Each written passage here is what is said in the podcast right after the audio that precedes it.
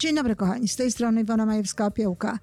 Dziś chcę mówić o temacie niełatwym i to niełatwym z wielu powodów, niełatwym na kilku płaszczyznach. Chcę mówić o depresji.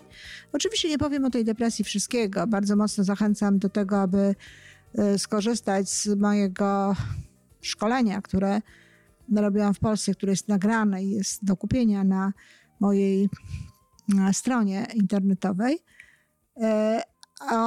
na temat właśnie depresji, ale tutaj chcę poruszyć pewne istotne zagadnienia, zwłaszcza w kontekście no, właśnie mm, wyzwań różnego rodzaju, które nas spotykają, tych nieprzyjemnych, tych dramatycznych czasem, ale też sama depresja jest tego rodzaju e, no, doświadczeniem, tym właśnie doświadczeniem traumatycznym, tym doświadczeniem niedobrym. Ludzie naprawdę potrafią cierpieć przez lata, e, czy nawet e, całe życie na takie obniżone stany emocjonalne, które powodują, że no, nie chce im się żyć, że chodzą do psychiatry, że biorą różnego rodzaju lekarstwa, które zresztą bardzo często uzależniają i powodują, że potem już bez tych lekarstw na przykład, no, życie nie wydaje się właśnie takie dobre. E, charakterystyczną cechą również tego permanentnego stanu depresji jest to, że te lekarstwa są coraz silniejsze. E, bardzo często można się spotkać z tym, i tutaj moja opinia na ten temat i moje podejście do tego jest e, zgoła inne, że depresja jest e, taką samą chorobą jak, nie wiem, na przykład żółtaczka, czy taka, czy, czy AIDS no więc nie, to nie jest ten sam rodzaj choroby i takich depresji z powodu no, endogennego, czyli takiego związanego z organizmem, związanego z biologią, jest bardzo niewiele. Niektórzy lekarze twierdzą, ci, którzy są oczywiście w tym nurcie, e, o którym, w którym, jakby można było powiedzieć, również ja jestem, twierdzą, że w ogóle nie ma tego rodzaju depresji. Oczywiście, że w wyniku e, określonego sposobu funkcjonowania mózgu, że w, w, wyniku, no bo przecież to się łączy, że w wyniku naszych emocji, w wyniku naszych odczuć, w wyniku tego, jak my funkcjonujemy, zmienia się stan chemiczny naszego mózgu, zmienia się chemia mózgu, ale chemia mózgu czy chemia naszego organizmu zmienia się również w stresie, zmienia się również w dystresie, zmienia się wtedy, kiedy jesteśmy e, w nastroju pozytywnym, w nastroju ekscytacji, w nastroju, w którym chcemy e, działać i tak dalej. Dlatego chemia zmienia się cały czas i, i często bodźcem jest właśnie um, psychika, jest właśnie element związany czysto z naszą psychiką, z naszym sposobem odczuwania, z naszym sposobem funkcjonowania, a efekty są oczywiście również biologiczne. Człowiek tak jest skonstruowany. My jesteśmy istotą na tym poziomie tej e, obserwowanej rzeczywistości. Um, biologiczno-chemiczno-fizyczną, tak? Oczywiście w głębi i tak naprawdę jesteśmy istotą duchową. I w tym jest siła. I w tym jest siła również jeśli chodzi o e, depresję czy o jakiekolwiek inne choroby.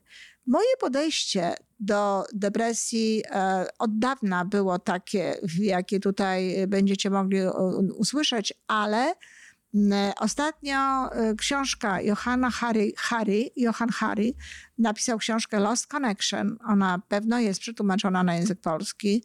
Nie wiem, utratę, utracone związki, utracone, mm, utracone połączenia.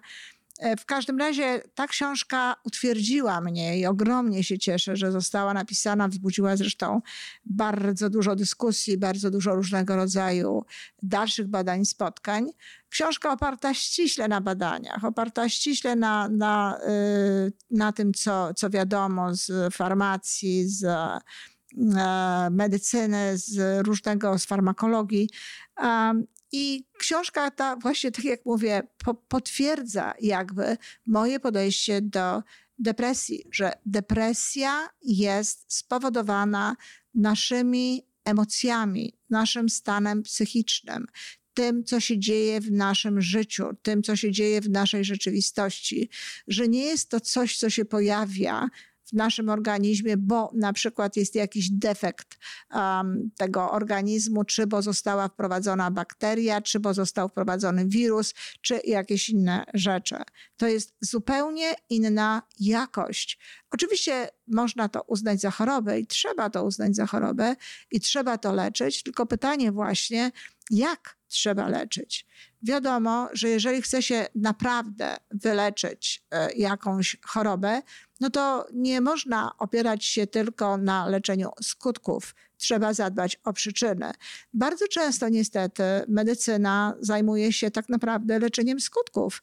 E, nie wnika w to, skąd wzięły się pewnego rodzaju rzeczy. Tym bardziej, że niektóre schorzenia właśnie medyczne są naprawdę konsekwencją różnego rodzaju y, zachowań, stylu życia, trybu życia itd. Tak I medycyna tym się praktycznie rzecz biorąc nie zajmuje. Zajmuje się już tym, co się, co się w człowieku dzieje. A szkoda, dlatego że e, większą szansę na autentyczne zlikwidowanie choroby daje zlikwidowanie jej przyczyn, jej źródła, a nie tylko leczenia skutków. No i tak samo jest z depresją. Jeżeli na przykład ktoś dostaje środki, które pozwalają mu przeżyć, pozwalają mu lepiej funkcjonować, czy nawet jeżeli chodzi na psychoterapię, i ta psychoterapia kręci się wokół, generalnie rzecz biorąc, jego życia i omawiania różnego rodzaju e, sytuacji, bez tak naprawdę znalezienia tego punktu, który faktycznie jest przyczyną tej depresji, no to, to nie ma to jakby większego sensu. No, jest to próba pomocy oczywiście i a, jako taką należy ją szanować. Natomiast e, nie zmieni to sytuacji Harego. Osobiście w ogóle nie jestem zwolenniczką leków mm, antydepresyjnych, choć są takie sytuacje, w których faktycznie no, jest to niezbędne, aby podać człowiekowi po prostu po to, żeby można było nawiązać z nim kontakt na takim, na poziomie świadomości taki, który umożliwi mu no, zajęcie się y, pewnymi sprawami, y, które są u źródła tej, tej depresji. I e, jakie, jakie mogą być źródła e, depresji? Kiedy to jest tak, że właśnie możemy w ten sposób funkcjonować? I dlaczego osoby, które no, zajmują się właśnie um, podopiecznymi, którzy mają chore dzieci, mają chorych rodziców, e, są e, no, osobami głównie zajmującymi się tymi, tymi właśnie e, no, bliskimi, to y, dlaczego też one często właśnie mają taką depresję? Pierwszym z, e, pierwszym z takich objawów, e, z takich powodów, które mm, prowadzą do depresji, no jest, jest smutek. Jest smutek i to smutek, e, smutek niekoniecznie objawia się w tym, że wszyscy widzimy, że ktoś jest smutny, że ktoś płacze i tak dalej. Smutek może przybrać formę taką permanentną, może gdzieś tam wejść w system jakby ten, ten nerwowy, w system emocjonalny i może cały czas gdzieś sączyć właśnie tę, charakterystyczną dla niego wartość. No właśnie, że wszystko jest mniej kolorowe, że wszystko jest mniej a, ładne, że wszystko jest niepotrzebne, że wszystko nie ma sensu, bo no i właśnie z jakiego powodu jest to smutek? Bo na przykład e, nie ma już osoby, którą kochałem, czy bo osoba, którą kochałem i z którą miałam określony kontakt i określony sposób funkcjonowania, no nie funkcjonuje teraz tak jak wtedy, jest zupełnie inna. I jest to właśnie smutek, smutek za, za, y, za czymś, bo smutek za czymś utraconym, tak jak pisze Lost Connection, tak jak pisze Johan Hari. Smutek za czymś utraconym. Utraciliśmy człowieka, utraciliśmy taki kontakt, jaki mieliśmy kiedyś z tym człowiekiem, no bo jeśli on jest teraz inny, jeżeli on zupełnie inaczej funkcjonuje i jeśli nam z tego powodu brakuje jakichś rzeczy, no to to też to są utracone jakby e, związki. Ja zupełnie niedawno znaczy w ogóle w tej mojej praktyce ostatnio mam właściwie trzy takie sytuacje, które są związane z tym, że no, y, właśnie osoby mają stany stany, które z całą pewnością psychiatra nazwałby stanami depresyjnymi. E, jedna z tych osób po prostu od wielu lat e, jest, mieszka z żoną, która no, jest częściowo sparaliżowana, jest po, po, po wylewie i jest częściowo sparaliżowana. Owszem, pewne rzeczy obsługuje sama i tak dalej, ale jest um, nie tylko sparaliżowana, ale też jakby odsunęła się od świata, jakby zmieniła się osobowość tej osobie.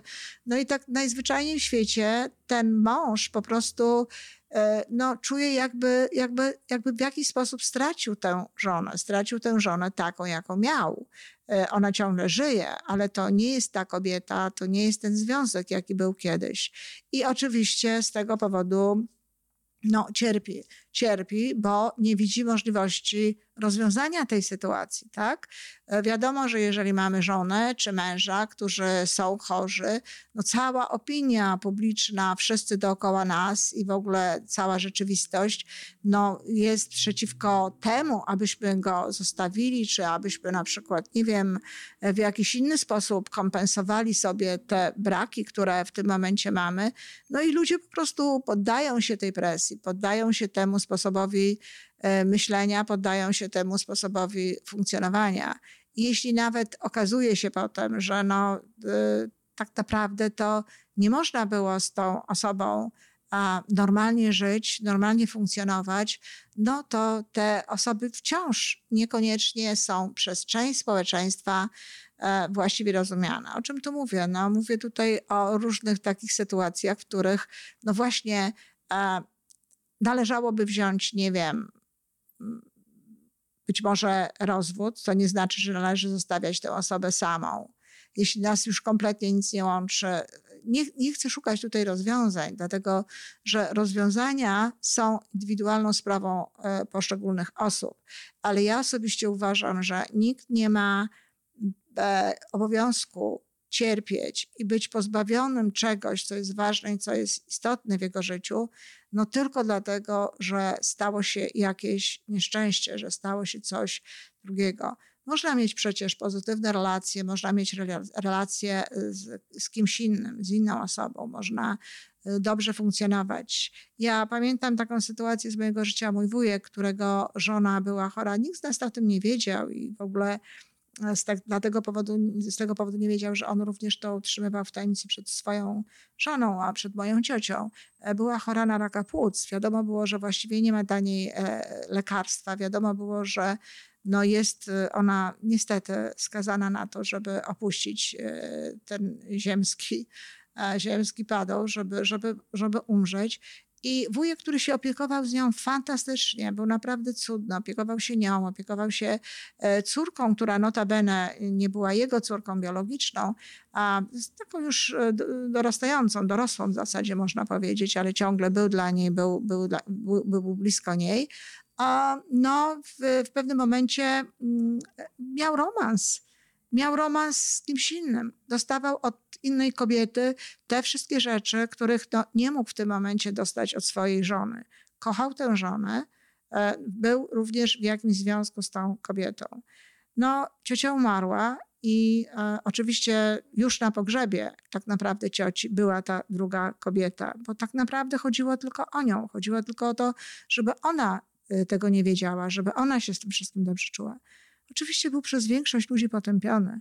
Moje pytanie jest, dlaczego? Czy ludzie nie mają prawa do szczęścia? Czy ludzie nie mają prawa do tego, żeby żyć sobie, żyć w taki sposób, no, spełniając wszystko to, co jest, e, co jest ważne dla osoby, z którą jesteśmy w związku małżeńskim, czy w jakimkolwiek innym związku, czy nie mamy prawa do tego, żeby żyć inaczej. Ja nie mówię o tym, że to zaraz muszą być e, jakieś związki, ale przynajmniej należałoby szukać takich wszystkich wartości, tego wszystkiego, czego potrzebujemy, no, u innych ludzi, żeby mieć jakby kompensację tego, co się dzieje.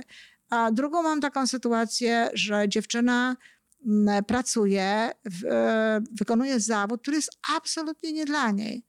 Ona mówi, że jej się to podoba, że ona to bardzo lubi. Tak, ta część jakby merytoryczna tego zawodu, to wszystko, co niesie ten zawód, e, ona jest prawnikiem. A, I to, co jest e, adwokatem i to, co jest z tym związane, i się podoba, to, jest, to, ją, to ją bardzo mocno intelektualnie jakby nakręca. Być może, być może, nie wiem, również podoba jej się prestiż związany z tym zawodem. Pracuje w firmie, w dużej firmie, znanej firmie adwokackiej, e, ale to, co ona robi, to, czym ona się zajmuje, no nie godzi się tak do końca e, z jej jakby e, taką konstrukcją moralną, konstrukcją też również emocjonalną. Ta praca jest nie w zgodzie z jej wartościami, tak bym to krótko ujęła. I ona jest w permanentnym konflikcie. Ona jest w permanentnym konflikcie. Wtedy, kiedy nie pracuje, kiedy jest w domu, czuje się lepiej przechodzi jakby ten stan. Był taki okres, że została zwolniona z jednej pracy i e, jak gdyby poszukiwała tej drugiej pracy, ale jednocześnie chodziła na terapię, zajmowała się sobą, swoim rozwojem. Wtedy żeśmy się zresztą spotkały i wtedy czuła się lepiej i wtedy było wszystko w porządku. Dostała pracę, euforia z powodu tego, że ta praca jest, zaczęła pracować i depresja wróciła znowu. I znowu mamy tutaj, jesteśmy w takim miejscu, w którym no, co robić? E, ona wykonuje zawód, którego się wyuczyła. Ona to lubi, ale nie, nie ma przygotowania wewnętrznego, psychicznego do tego, żeby wykonywać tę pracę. Jakie lekarstwa mogą tutaj pomóc? Tu nie pomogą żadne lekarstwa. Tutaj może pomóc tylko rozwiązanie tej sytuacji. Albo znalezienie takiej pracy za oczywiście mniejsze pieniądze i tak dalej, której to, czego się nauczyliśmy, merytorycznie rzecz ujmując, będzie się przydawało, będzie dobre, będzie właściwe, albo ta sytuacja będzie miała miejsce zawsze. Inna rzecz, inny, inny układ. No, zajmujemy się na przykład y, chorą matką. Matką, która ma powiedzmy Alzheimera, która, która y, jest już przykuta do łóżka, y, która jest słodka, która jest kochana, która jest w ogóle naprawdę wspaniała, jako, jako to, mówiąc o tym stanie, w jakim w tym momencie się znajduje, kochamy tę matkę.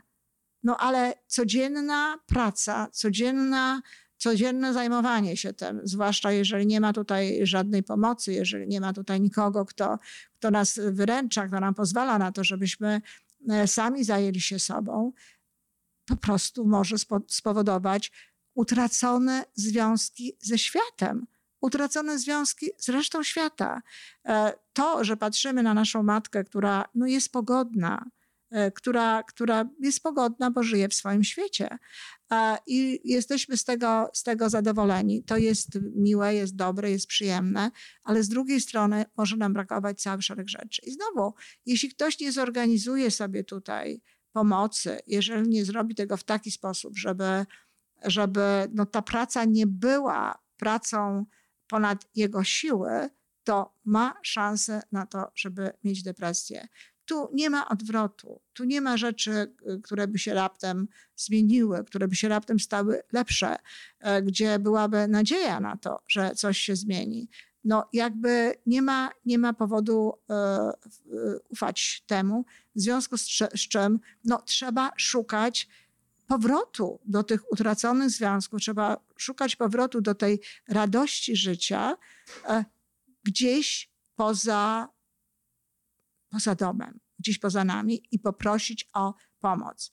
Oczywiście znowu e, sprawa Alzheimera, sprawa różnego rodzaju chorób starszych ludzi. Wiadomo, że są domy, są takie e, no, instytucje, tak, że są e, ośrodki, które przyjmują takich ludzi, które zajmują się takimi ludźmi i które wcale nie znaczy, jeżeli to jest na poziomie jeszcze takim wczesnym, kiedy, kiedy znaczy wczesnym, kiedy ta osoba e, normalnie chodzi, kiedy to nie jest jakiś bardzo stary człowiek, to tego rodzaju instytucje, tego rodzaju ośrodki, one wręcz stymulują rozwój tych ludzi.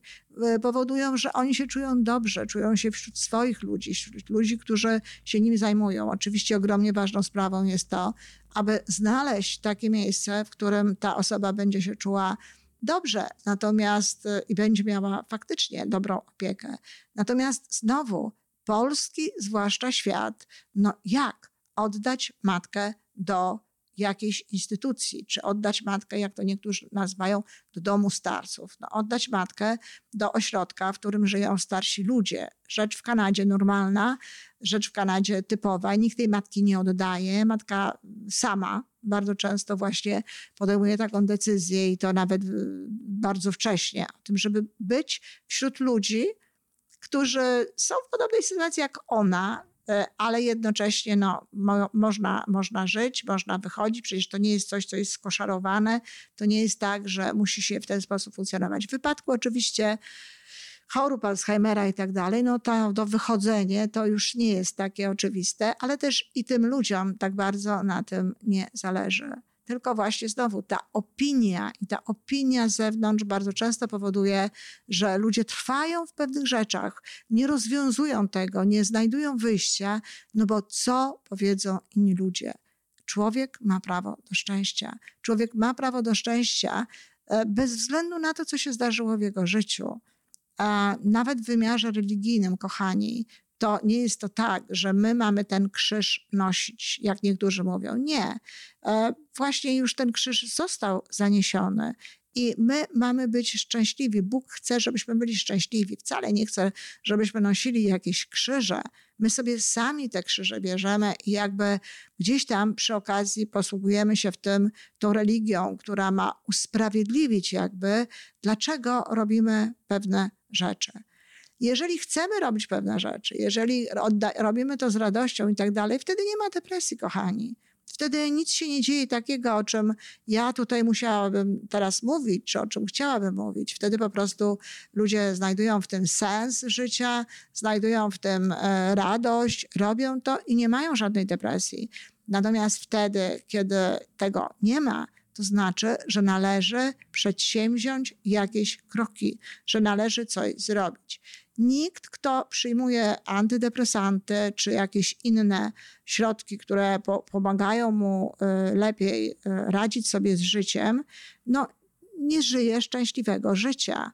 Gdzieś jest jakiś element, który wymaga korekty, który wymaga takiego podejścia, żeby obie partie były szczęśliwe. Tu nie chodzi o to, żeby kogokolwiek unieszczęśliwiać. Tu nie chodzi o to, żeby kogokolwiek pozbawiać e, opieki czy, czy, czy miłości. Tu chodzi o to po prostu, żeby samemu można było żyć.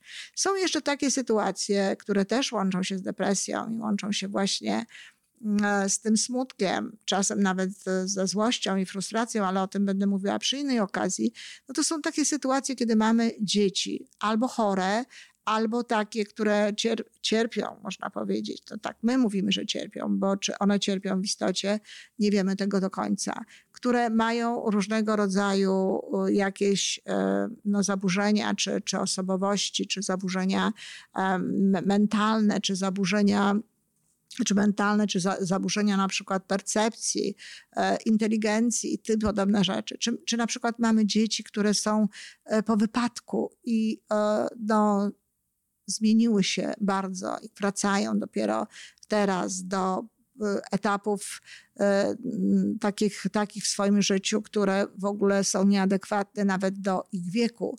Tak, kiedy sytuacja jest taka, że na przykład e, po wypadku ktoś był w śpiączce, w śpiączce nie, ma, nie jest już w tej śpiączce, ale, ale no, zaczyna jakby na nowo funkcjonować w tym świecie i tutaj często również jest, jest smutek. Jest smutek taki, że jest złość, smutek i depresja, spowodowana często właśnie albo tym, że zbyt dużo i zbyt e, mocno, zbyt intensywnie no, spędzamy tutaj czasu i uwagi, koncentracji na tym, co się dzieje. Oczywiście to jest normalne, że ojciec czy matka kocha swoje dziecko, chce być z nim, chce być dla niego, chce robić różnego rodzaju rzeczy, żeby było mu lepiej. Jest to absolutnie normalne i naturalne, ale tak jak mówiłam w poprzednim odcinku, bardzo ważne, że jest, żeby dbać o siebie i żeby starać się w tym wszystkim, co jest, zachować jakby no, normalne życie, jakby zachować to wszystko,